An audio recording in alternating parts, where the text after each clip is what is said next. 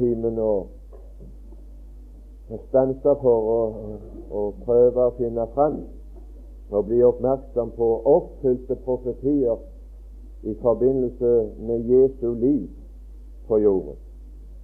Det som vi hadde på siste timen, det var det fant oppfylte profetier i forbindelse med Jesu komme, ved Jesus fødsel til denne verden. Og vi fant at Gud ved en suksessive profeti hadde forsynt løftet om at Guds sønn han skulle fødes og komme til denne verden ved å fødes av en kvinne, og at han skulle fødes av en jomfru, og at han skulle fødes i jødefolket, og at han skulle fødes av Abrahams slekt, og at han i den slekt skulle være begrenset til, til Judas stamme og av Davids hus. Og vi fant at det var sagt på forhånd hvor stedet skulle være, hvor det skulle skje, at han skulle fødes. Og vi fant at Bibelen hadde forutsatt tidspunktet når det skulle skje.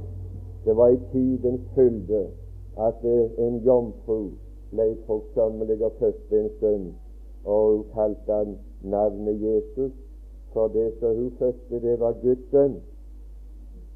Men vi skal nå se på noen av de oppfylte profetier hva Gud på forhånd har forutsagt om hans liv etter at han var kommet til denne verden. Og det første som var sagt om hans liv, det tok vi jo i grunnen med, men det var i forbindelse med hans fødsel likevel, for det var, det var sagt han skulle fødes under loven, og derfor ble han omskåret. Men nå skal vi ta det første punkt i så måte i forbindelse med hva som var sagt om hans liv. Og den første tingen som var sagt da, det var at han skulle fremstilles i tempelet 41 dager etterpå sin fødsel. Tenk det. På dagen 41 dag så skal Jesus fremstilles legemlig i tempelet. Det var forutsagt da det var gammel. Den profetien var gammel. Han var så gammel som til tredje Mosebok, det tolvte kapittel. Og der kan vi lese derifra det andre vers og nedover til det åttende. Tredje Mosebok. Nå var det en lov, en profeti, i det tolvte kapittel. Skal vi se Det, det. Jeg har skrevet feil. Altså henvisninger her. Men uh, skal vi kan finne det. Det var synd. Men det var sagt der at det skal finnes skriftsteder, så vi skal slippe å hefte noe tid med det. Men det var sagt der i denne profetien om at når en kvinne føder en sønn, et guttebarn, så skal han omskjæres på den åttende dag. Og 33 dager etter han er omskåren, så skal han fremstilles i tempelet. Og så kan vi lese nå i Lukas 2, så skal du se oppfyllelsen, den nøyaktige oppfyllelsen av den profetien.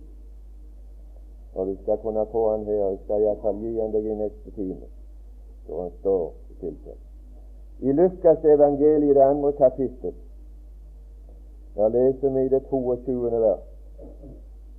Eller vi kan lese fra det 21.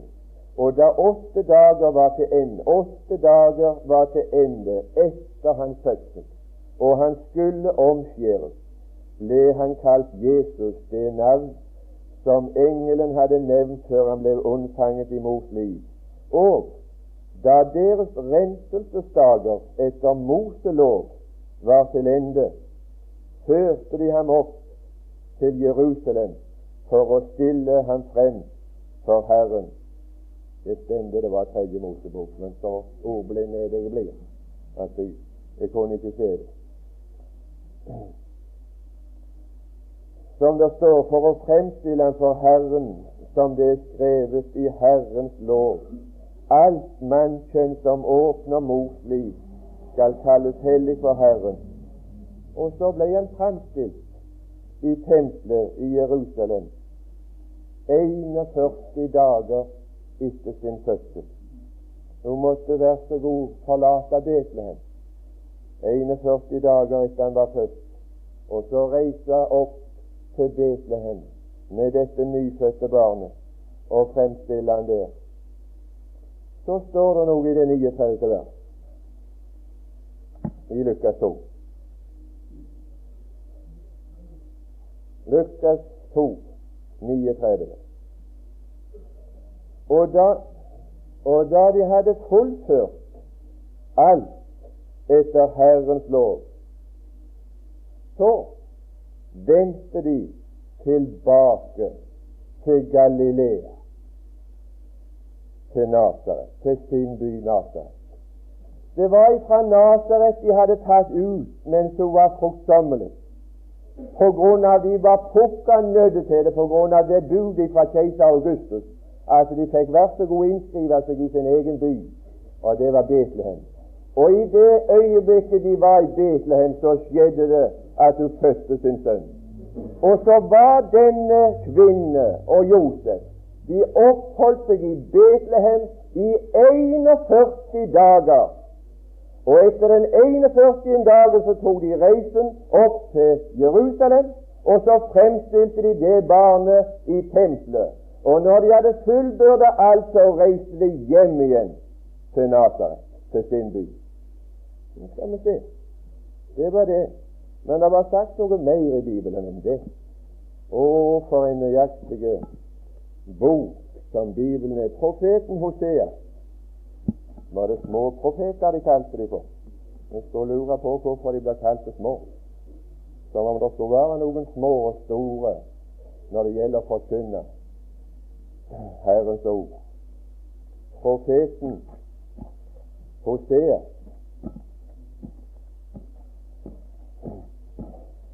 det ellevte kapittel og det første vers. Hoseas ellevte kapittel og det første vers. Da Israel var ung, hadde jeg ham kjær, og fra Egypten kalte jeg min sønn. Er det noen profeti? Er ikke det, er ikke det et ord som taler om en, et, en historisk kjensgjerning i forbindelse med Israel og jødene? at Gud kalte jødene opp fra Egypten fordi han hadde de kjær. Jo visst er det det. Men i det historiske og i den historiske begivenhet at Gud kalte sin sønn Israel opp fra Egypten, så var det en profeti i det. Og den profetien var at når Jesus, Guds sønn, skulle komme til denne verdens Egypt, så skulle han kalles opp fra Egypten. Og nå var han i nå var han født i Betlehem, og nå hadde han vært i Jerusalem, og nå hadde mor tatt ham med seg og reist hjem igjen til sin by Nasaret etter den 41. dag. Hvordan skulle det skje og gå til at denne, dette barnet skulle bli uh, ført til Egypten og så bli kalt opp derifra? Og jeg skal si at Gud er nøye med sitt profetiske ord. Og nå skal vi lese noe fra, fra Matteusevangeliet. Og vi leser fra Matteusevangeliet det, det var mye som måtte iverksettes for at det så skulle skje. Og det er mange store begivenheter som ser umulige ut i våre øyne for at det profetiske ord i Bibelen skal bli oppfylt. Men jeg skal si det at den som står bak ordene her, han skal sette store ting i, i scene for at det skal skje. Men det skal vi komme til senere i avslutningen av kurset, om de uoppfylte profetier. Men eh, tilliten min til de uoppfylte, den har jeg fra kjennskapet til hvor pirkete Gud har vært med og sørget for å oppfylle de som, som er oppfylte. I Matteus 2 der får vi en beskrivelse av når Jesus var født. Så fikk kong Herodes, som var konge på den tid, han fikk besøk. Han var, fikk besøk fra, av noen vismenn og så kom de fra Østen. Og så kom de til Jerusalem, og så, så, og så spurte de. De spurte ikke om det skulle være født noen. Men i andre vers så spurte disse vismennene hvor er den jødenes konge som nå er født. Når var han født? Ja, da ble kongen, da ble kongen, kong Herodes, redd. Her så han en konkurrent. Her kom det noen vismenner og sa nå er det født en jødenes konge. Her får du konkurrent. Nå er det en rettmessig jødenes konge som er født. Og så ble han interessert. Og så, og så i sjuende Da kalte Herodes hemmelig vismennene til seg og spurte dem nøye om tiden da stjernen hadde vist seg. For når stjernen viste seg for dem, det var da han ble født. Jesus ble født mens stjernen viste seg for vismennene mens de var i sitt eget hjemland. Og på grunn av det, og på grunn av den tro og den overbevisning på at nå er han født, så reiser de til Palestina, og så vil de ha rede på hvor er han henne. Hvor oppholder han seg nå henne, han som er født? Vi har sett hans stjerne mens vi var hjemme. Og den reisen som de foretok, den tok tid. Og de kom til Palestina lenge etterpå at Jesus var født. Det tok tid å reise i gamle dager. Ikke hadde de fly, og ikke hadde de bil, men de hadde vel kameler antagelig. Og de gikk ikke så snare i han. Og så og så stoppet de Så kunne ikke de finne noe bedre svar, disse Israelsvismenner, at når de undersøkte Bibelen Jo, altså Messias, han skal fødes i Betlehem. Og så, så fikk de det svaret, disse vismennene. Det får reise til Betlehem. Det finner han sikkert der, for det er der han skal fødes. Og hvis han er født, så må han være der. Og så reiste de til Betlehem, og ville til Betlehem for å finne han. Men disse mennene, mens de var på vei til Betlehem, så viste stjernen seg for dem igjen, og så leser vi i det niende vers. Og da, da de hadde hørt kongens ord, drog de av sted og se stjernen som de hadde sett i østen gikk foran den inntil den kom og ble stående over det sted hvor barnet var. Hvor er barnet henne nå? Når vismennene kommer. Han var ikke lenger i Betlehem enn 41 dager. Og etter 41 dager så reiste han til Jerusalem. Og når han gikk fra Jerusalem, så reiste de rett hjem til, til, til, til Nasaret. Så når disse vismennene nå skulle finne Jesus, så skulle de ikke til Betlehem, de måtte reise til Nasaret. Og det var der barnet var nå. Og så reiste de til Nasaret, og så fant de han der. Og så og så er det noe så, så settes i scenen her i dette kapittelet for at noe skulle Eller ikke for at noe skulle bli oppfylt, men det at det ble satt i scene, står det i det 15. vers for at det skulle oppfylles. Ja, det var for at det skulle oppfylles som er talt av Herren det profeten som sier fra Egypten kalte jeg min sønn. Men det var noe annet. Så da ble jeg oppfylt i 17. vers. Og det var med et ramaskrik. Og det uttrykket bruker de på Åkra, og på Karmøy fremdeles. Ramaskrik. Og det er når det hender noe grufullt i en familie. Å, et ramaskrik. Et uttrykk for den djupeste nød og den største ulykke og største katastrofe. Ramaskrik. Hvor er det ramaskriket kommet ifra? Det er kommet ifra dette som skjedde når, eh, når Herodes satte dette i scene for oss å sikre at han skulle klare å utrydde denne konkurrenten. Han sendte ut den beskjeden at alle guttebarn under to år skulle utryddes og drepes. Da ble det oppfylt, det som er talt ved profeten Jeremia, som sier en røst ble hørt i Rama, gråt og stor klage. Rakel gråt over sine barn og vil ikke la seg trøste, for de er ikke mere til. Hvorfor gikk han til to år? Jo, for det var antagelig bortimot to år de hadde vært på reisen, disse vismennene. Og så måtte han gå så langt som to år, og så nedfra. Men når dette ryktet, før det ble satt i verk, så står det, så leser vi Men da vismennene hadde draget bort, kreftene der, se, da åpenbarer Herrens engel seg i en drøm for Josef og sier, stå opp, ta barnet og dets mor og fly til Egypten. Det var bare én måte å, å klare å unngå den katastrofen for Jesu barnet. Det var at de måtte flykte til Egypten. Og da var han bortimot to år. Og så flykta de til Egypten. Og da sto han opp og tok barnet og dets mor om natten og dro bort til Egypten. Det skjedde. Det skjedde.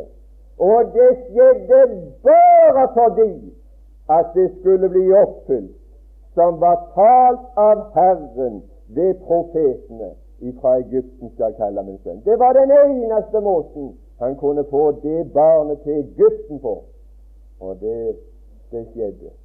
Det skjedde ved det fryktelige ramaskrik som gikk over Palestina, over Betlehem og alle landområdene der omkring.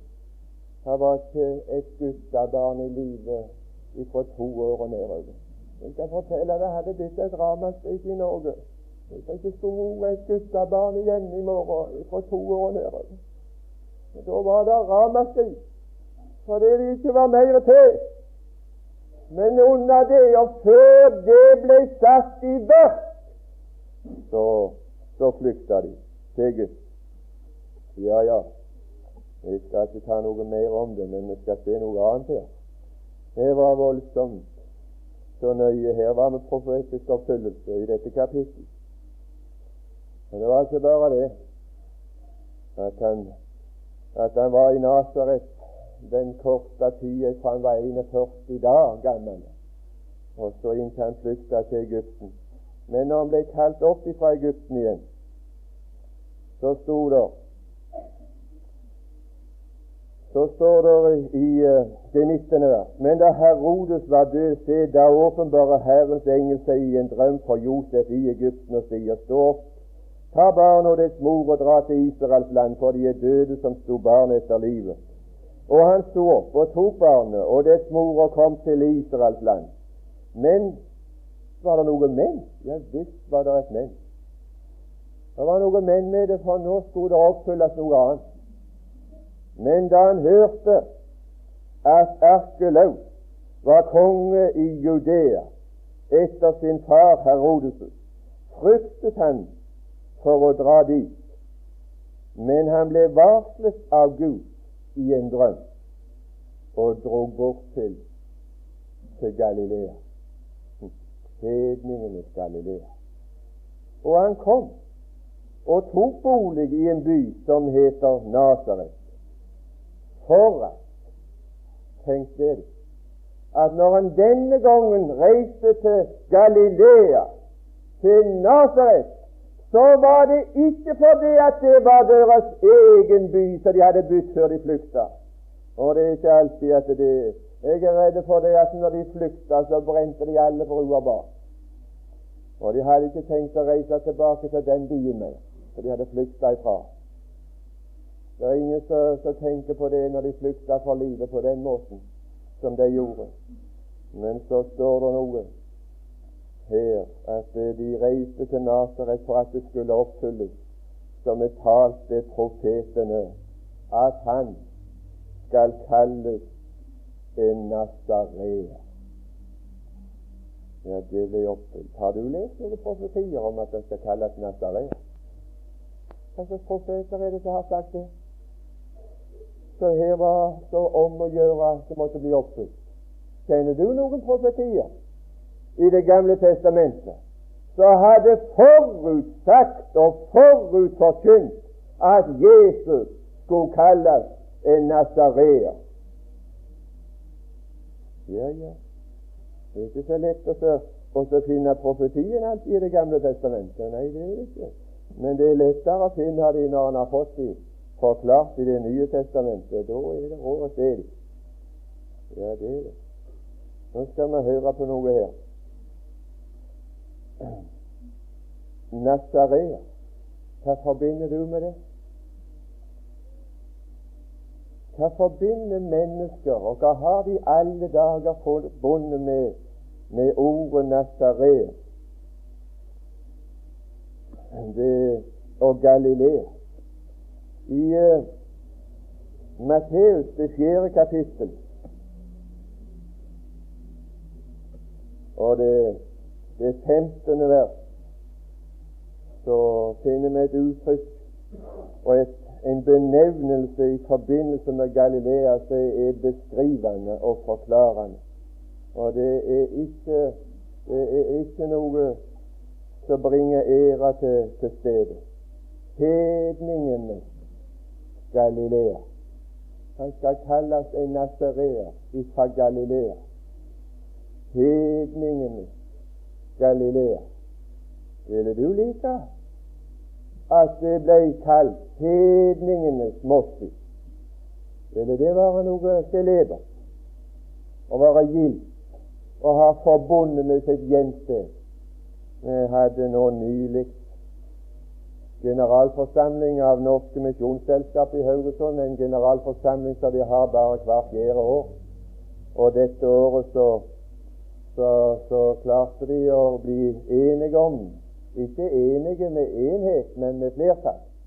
En flertallsbeslutning som ikke gikk etter noen innstilling, men som gikk etter en spontan tilslutning i, i, i, i en offentlig forsamling, så saken var satt under debatt.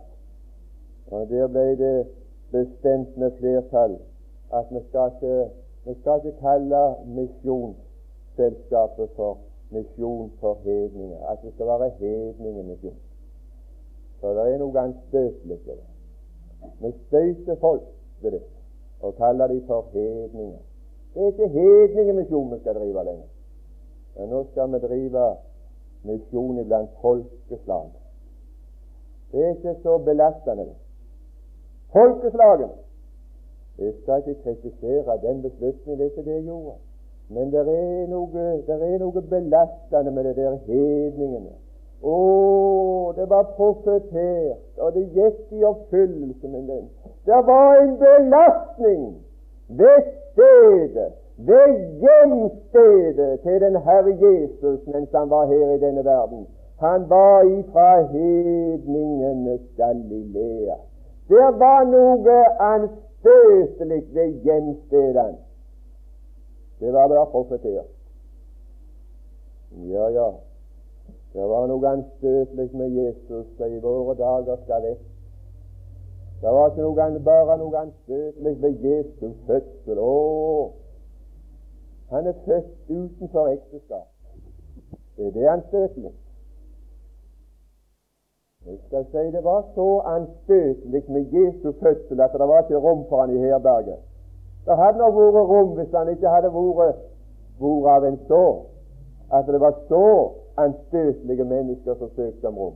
Tenk et forlova par som vil ha hotell, og som skal føde et barn utenfor ekteskap. Det hadde ikke vært plass i Moskva heller, hvis det hadde vært et skikkelig hotell. Det hadde ikke vært plass, og det var ikke plass for ham. Det var noe anstøtelig med hans komme til denne verden men han kom i syndig kjød, lignelse Men jeg skal fortelle en kar i denne forsamling det var ikke noe anstøtelig ved Jesu fødsel. Men det er noe anstøtelig med din og min fødsel. Jeg er unnfanget i synd, og min mor har født meg i misgjerning. det var ikke noe med han. Men når han kom, så var han så i syndig kjøds lignelse at det var en belastning for han. Det var noe anstøtelig. Så lukta han ute, Å, de var så ærbare. Og jeg skal si ærbare. Du store min, det var noe belastning. Han var ifra hedningenes galileer. Vi skal se noe mer på det.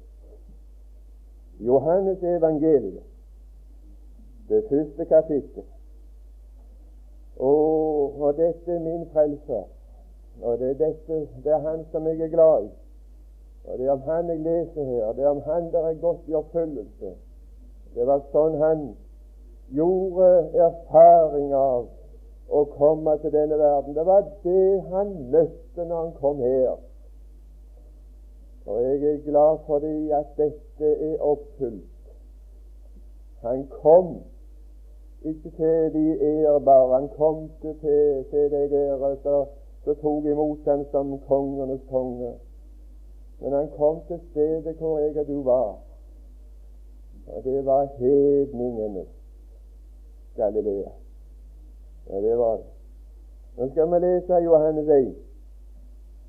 Og der leser vi det i det 47. vers. Og Nathanael sa til ham Kan det kan det komme noe godt fra Nasaret? Nei, det kan det ikke. Det er plakaten mulig at det kan komme noe godt fra Nasaret. Men han kom ikke fra Nasaret men han tok bo der. Han tok den belastning som det medførte seg, og forene seg med et fortapt menneskeslekt. Han ble født inn og gikk inn under våre kår. Han kom i syndig kjød lignelse. Og han kom her og ble funnet som et menneske. Han gikk inn under våre kår. Og det var ikke fra Nasaret han kom, men han kom ifra himmelen. Og Nå skal du høre hva vi har funnet. Jeg har ikke funnet han ifra Nasaret. 46. vers. Philip traff Nathanael og sa til ham Å, han som Moses har skrevet om. Du store min, Der må jeg begynne. Jeg må begynne i morgen Moses når jeg skal lære å kjenne ham. Det er han jeg har funnet. Han som Moses har skrevet om hele veien. Ja, vet ikke dere det, sa Jesus senere. Det har meg Moses skrevet. Og jeg trodde han skrev om påskeland. Jeg trodde han skrev om bukker og kalver og ofringer av alle hendelsesløse. Jeg trodde han skrev om David og Nei, ikke han, men altså om, om, om, om disse kommende begivenheter, som han sier. Jeg trodde det var om det. Å nei, det var om meg, sier Det er om meg han har skrevet så det er det samme hvor du leser i Mosebøkene, så er det om meg han har skrevet. Han som Moses har skrevet om i loven. Og likeså profetene, alle i sammen. Har du funnet han? Ikke godt å finne han uten at du har sett han der.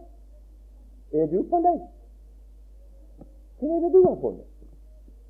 Har du funnet han som Moses har skrevet? Har du funnet han som profeten har skrevet? Det er umulig å se Jesus og finne noe i Jesus uten jeg har funnet noe i Det gamle testamentet før. I Jesus skal jeg finne det som Moses har skrevet. I Jesus skal jeg finne det som alle profetene har skrevet.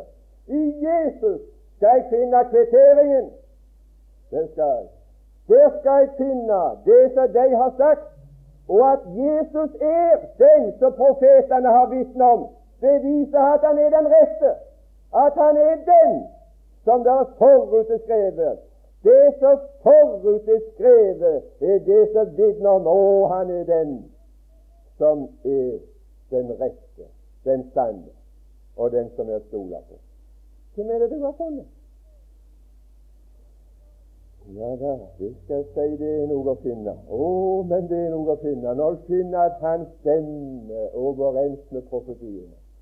Å, oh, nei, du store min, for, for, for stiger ved Jesus. Og så lærer jeg han mer å kjenne. Vet du hva det er sang her? medens du stjernene teller, vokser. Hva er det du ønsker skulle vokse? Din helliggjørelse. Det er ikke femårsdagen i helliggjørelse.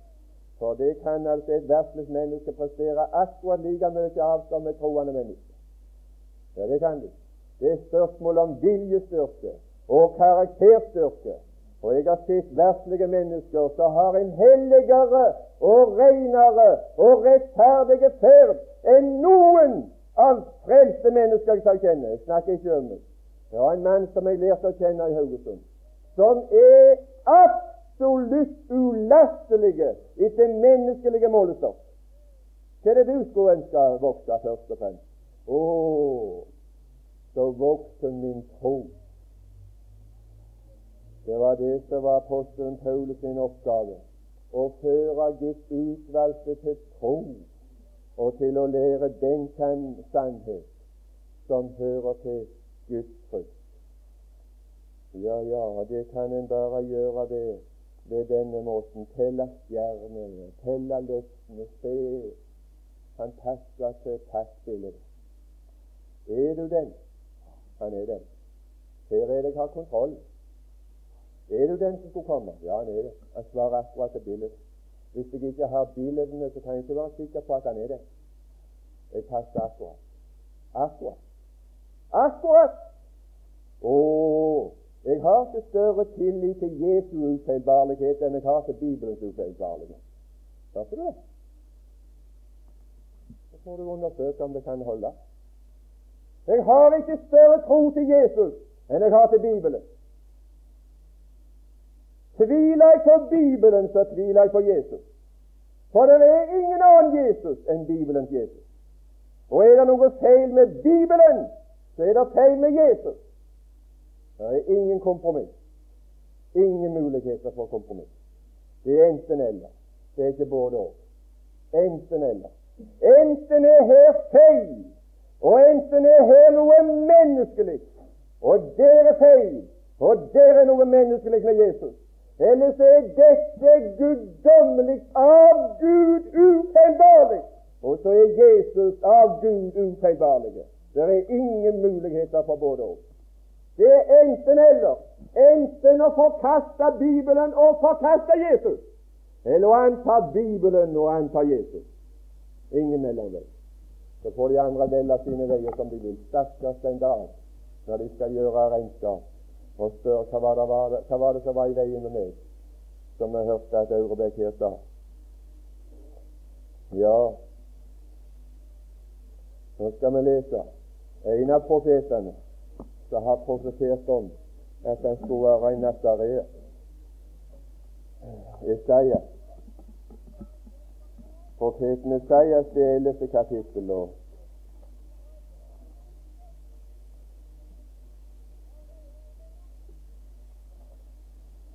Der.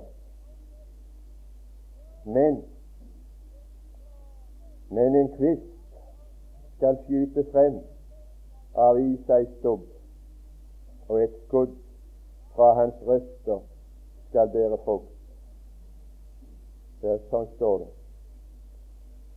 Og Det er noe som John sa her tidligere, at han hadde en svær ordbok som han prøvde å bruke i forbindelse med Bibelen for å finne ut hva et ord betyr. Og hvor begrensa vår oppfattelsesevne er fordi vi ikke kjenner til hva et ord omfatter og betyr. Og det er én ting, men en annen ting som er blitt mye verre i våre dager enn det at vi er begrensa i vårt kjennskap til hva innholdet er i et ord så har vi i våre dager fått inflasjon i ord. De betyr ikke lenger det som de betydde før. Menneskene har lagt et annet innhold i ordene, i bibelske ord, enn Gud har lagt av innhold i dem. Og det gjør tidene vanskelige. Begrepsforvirring det er noe som er det betegnende i våre dager. Men uh, det som her sto, stubb, ordet stubb, i seg stubb, det er et ord som omfatter en god del. Det omfatter ikke bare dette at det betyr at det er en stubb som står igjen av ei rot hvis du har hogd et tre ned. Men ordet, det betyr, og kan også like godt bety i dette ord, vanlige språkbruk, at det betyr en nasareer. Det er han. Ordet for stubb betyr også Nasaret. Og ved at han var fra Nasaret, så ble den profetien oppfylt. Men han ble oppfylt på en sværere måte enn sånn. Nå skal du se forledes det går i oppfyllelse at han var han var fra Galilea og fra Nasaret. Og Det er det som gjør han til det han er også i våre dager. Og det er det som gjør denne kolossale forskjell i denne verden. Det er den Herre Jesus. Og Hadde han bare ikke vært fra Galilea og hadde ikke vært fra Nasaret, hadde ikke vært dette anstøtelig med Jesus, så hadde han vært mer populær. 53. kapittel. Han skjøt opp som en kvist, som en stubb. Han skjøt opp som en kvist for hans åsyn, og som et rotskudd av tørr jord. Her har du det. Her har du Nazarean. Han kom ifra hedningenes Galilea, ifra Nasaret. Jesus fra Nasaret. Kan det komme noe godt ifra Nasaret?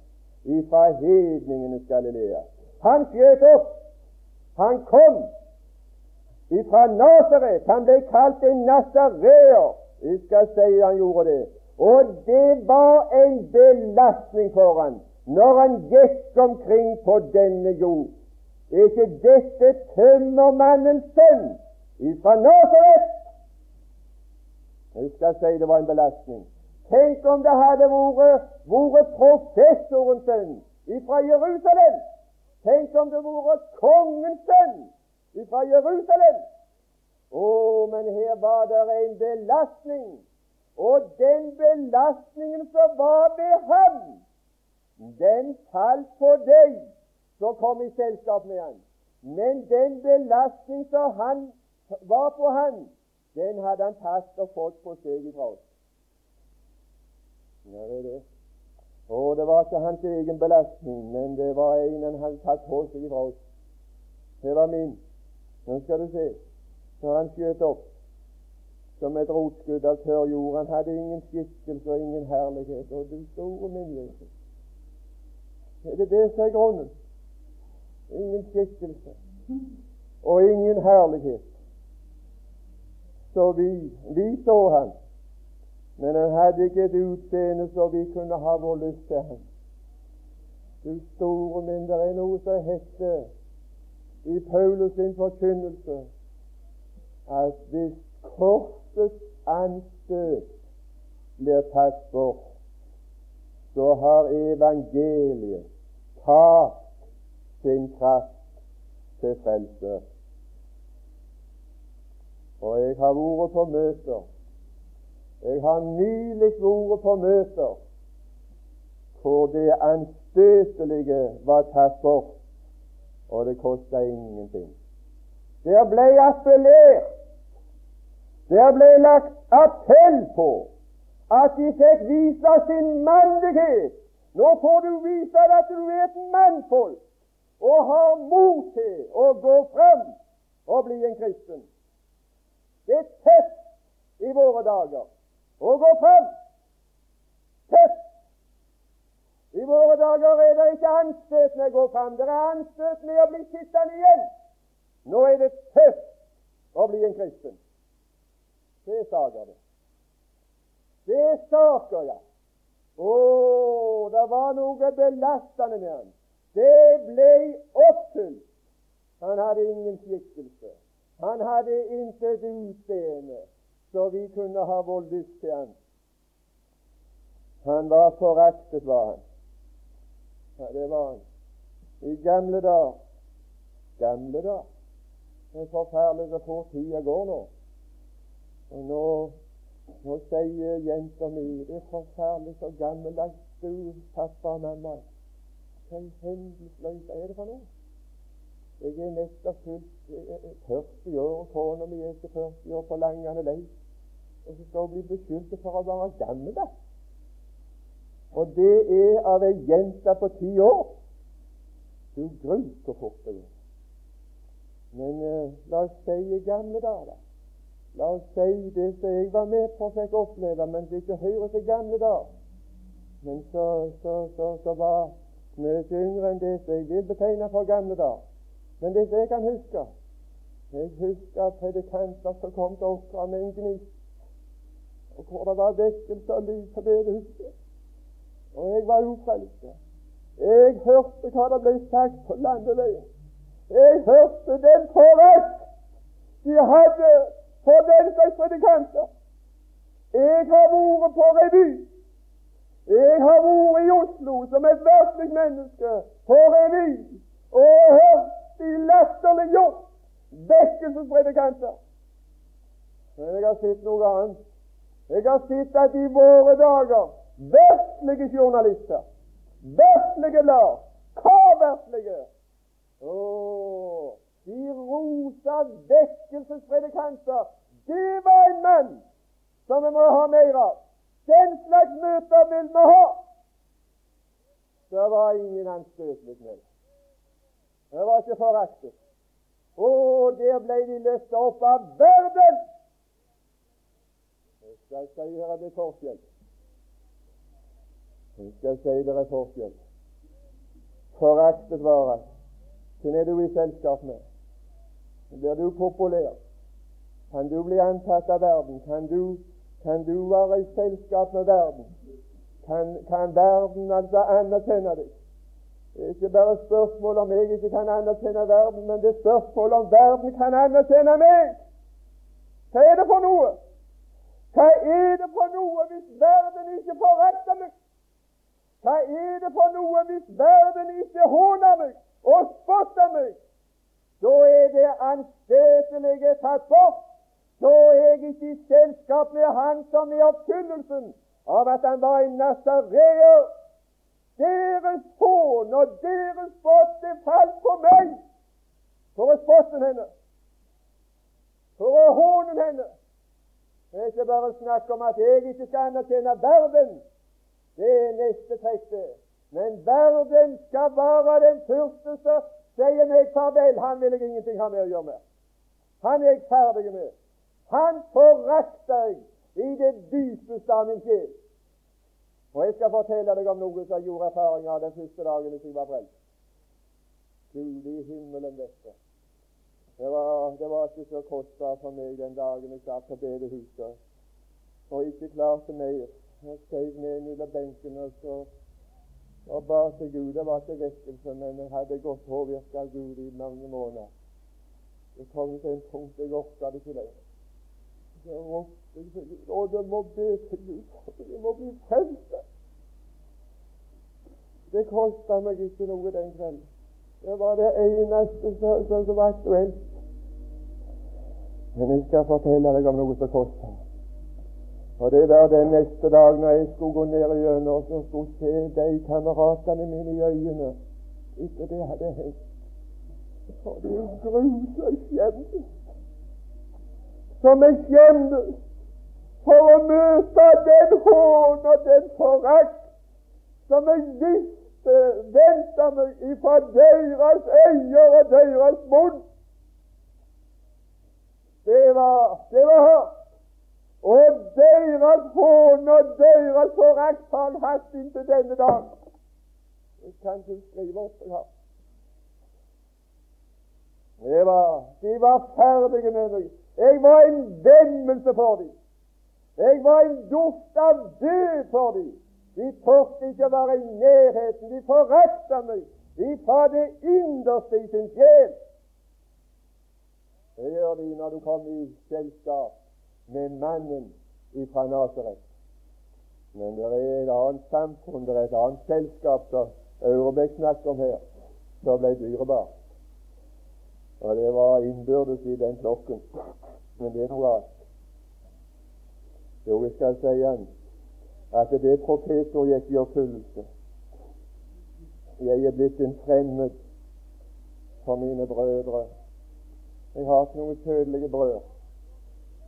Men hvis jeg hadde hatt, og noen av dem hadde vært ufrelst, så hadde jeg vært fremmede for dem.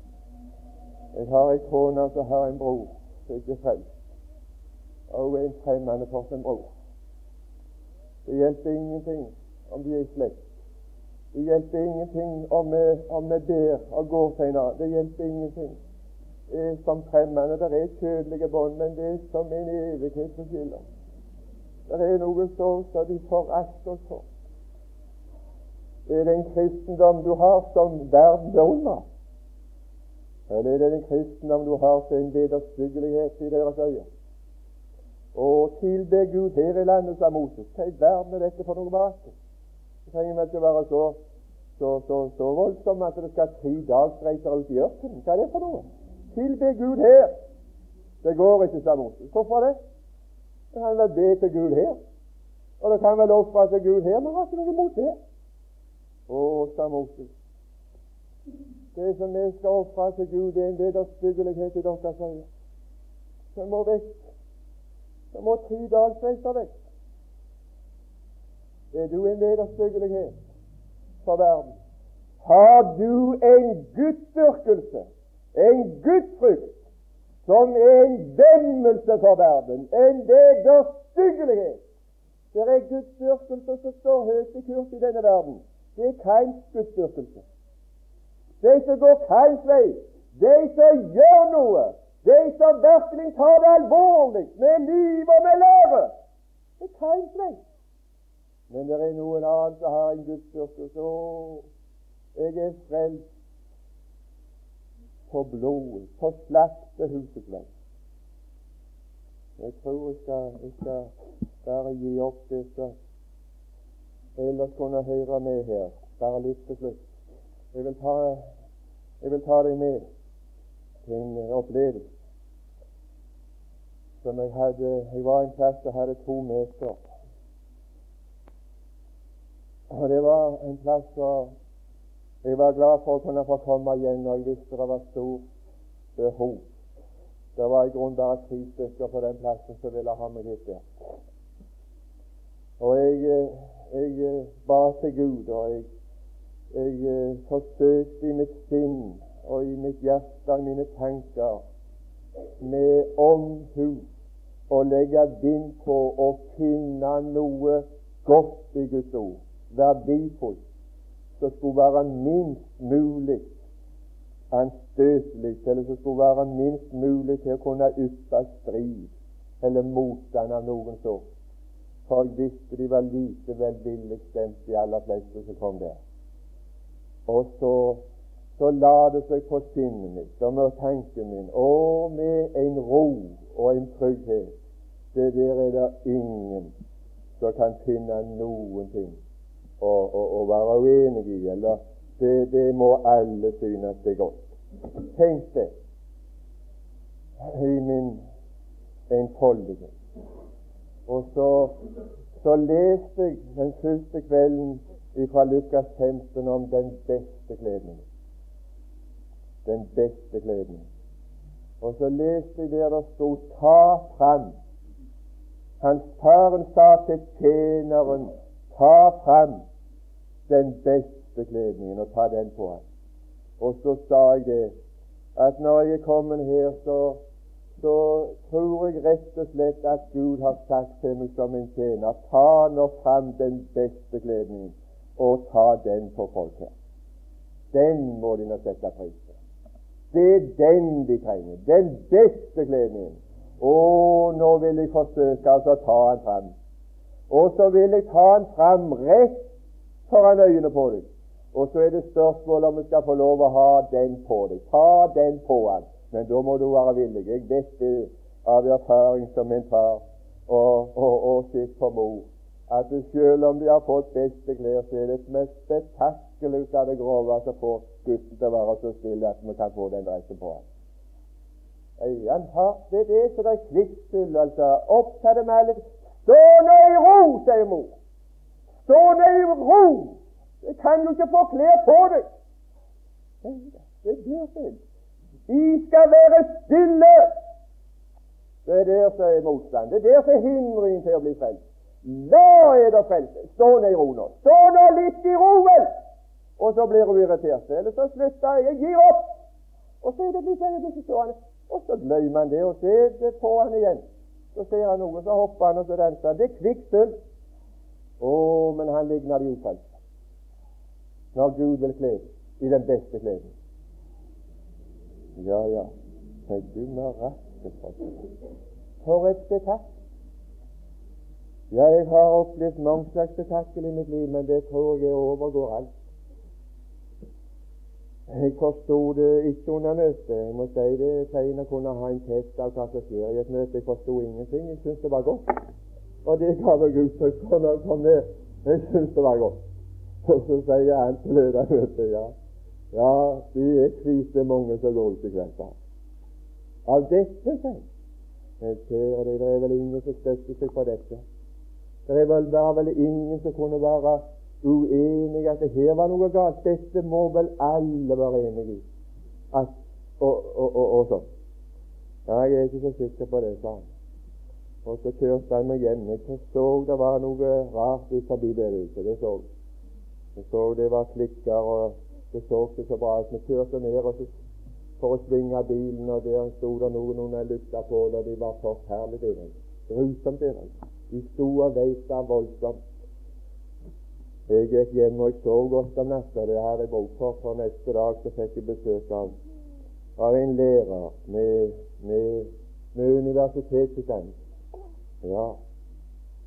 Og han kom og skulle ta meg. Og det, det gjorde han på beste vis. Så sa han jeg har vært på mange slags møter i mitt liv. Det var en bekjennende kristen lærer. Det var det. Jeg har vært på mange slags møter i mitt liv. Men det er det verste møtet jeg har vært på, og jeg har ikke blunda i hele natt. Ikke tale om hatt søvn på øynene. Det var voldsomt. Jeg har ikke blunda, sa han. Jeg har stort og lest for det meste av Johannes' åpenbaring i hele natt. Det må ha vært voldsomt effektivt møtesdag. Du verden som kan, kan ha et sånt resultat å få en mann i din stilling til å bli våken hele natta av interesse for å lese i Bibelen. Jeg skal takke Gud, jeg, sa jeg, så snart det kommer i hu, for at, at, at, han ga meg et sånt møte. Ja, hvis du kaller det for, for effektive møter, sånn, så var det 100 effektivt. Det var mange med meg som ikke har sovet i natta. Og jeg har brukt skoletid i dag, to klassetimer, har jeg bare brukt til å overbevise elevene mine om at vi har en spinngal mann på plassen vår. Og ingen må gå på møtet hans i kveld. Han er absolutt helt gal. Og det var bare én opponent, sa han, og han er din disippel. Ja vel. Og så sa jeg jeg sa ikke mye kunne få inn, og jeg skal ikke si så mange ord om det. Men skal du få høre hva det var han, han var kvalmen, sa. Han ble kvalmen på det møtet. For det første med det der om klær. Om klær og at det går an å finne klær sånn i første Mosebok 3, når det står at Gud gjorde klær av skinn og kledde Adam og Eva i. At det var den beste kledningen. Ja, da, da ble han kvalmen. Jeg blir kvalmen å høre ordet slakting i forbindelse med Jesus, Guds sønn. Så ble han salven. Så skal jeg få lov å fortelle deg det, sier jeg, at det er det eneste som varmer min sjel. Det er det eneste som har metta min sjel. For hvis du bekjenner deg for å være en troende, så var det på høy tid å kunne komme en mann til denne plass og kunne vekke og ruste deg sånn at du ransaker deg om du er på evighetens vei, eller om du er på fortapelsens vei. For jeg kan fortelle deg det, sa jeg til han, at enten er du en en, en sjølbedrager og går til helvete, eller så går jeg til helvete. For vi er på hver sin vei, til tross for vår bekjennelse. Å, jeg har en gudsdyrkelse som er en vemmelse for verden. Han ble kvalmen. Det sa han. Han ble. Han ble kvalmen. Du blir Kan du tenke deg noe så grusomt? da? Og snakke om slakting i forbindelse med Guds sønn. Ja, har du ikke lest, det?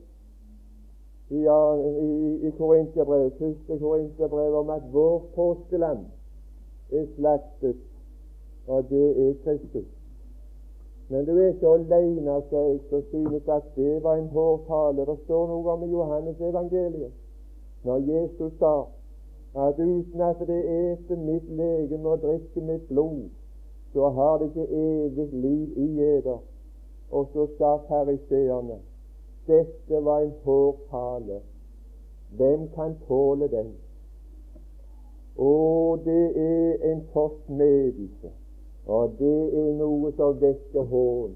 Å være frelst ved blod ved slaktehusets vei.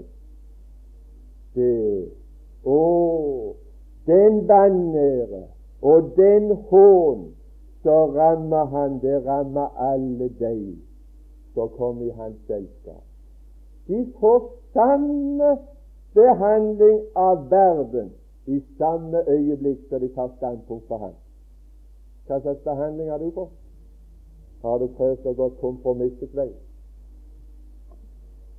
Ja, ja, dette er oppfylte profetier. Det er det. Jeg skal ta bare med én ting nå før vi, før vi slutter.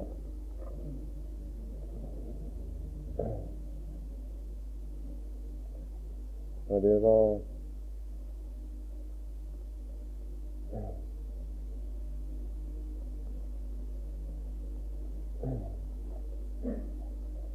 Ja, det kan for være nok. Det var noe annet som ble oppfylt der, men det skal vi ta kan vi ta begynne på i ettermiddag. Herre Jesus. Herre Jesus er vi i ditt selskap. Å, Jesus. Du får, du får prøve å puste og ånde på oss ved din ånd gjennom ditt ord. Utøse noe så at det ikke blir bare ord, men at det, det medbringer og utfører det som det inneholder. At når vi tok imot ditt ord, så tar vi ikke imot et menneskeord ikke skjer oss og skjer oss meg, men som et Guds ord som viser seg virksomt i oss. Herre Jesus, jeg vil få lov å takke deg for at det var på den måten du kom om det lenge var en støtelig formel. Og det var lenge før jeg lærte sannheten om meg sjøl å kjenne. Og at det var min spott, og det var min vanære som ramma deg. Det var for å frelse meg, og det var for å fri meg ut at du kom inn i mine kår. For å fri meg fra det. Herre Jesus, la oss få lov å erfare og glede oss i det. La oss den enkelte her få det nåde og den kjennskap til deg, at vi ikke bare tror på det, men vi ser det som en ære og også lide for ditt navns skyld. Herre Jesus, vi ber om velsignelse for resten av dagen.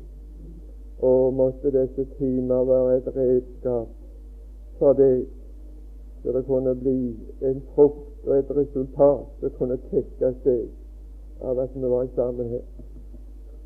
Herre Jesus, at vi kom i et bevisst liv og samfunn med deg som leves daglig i samværet med deg.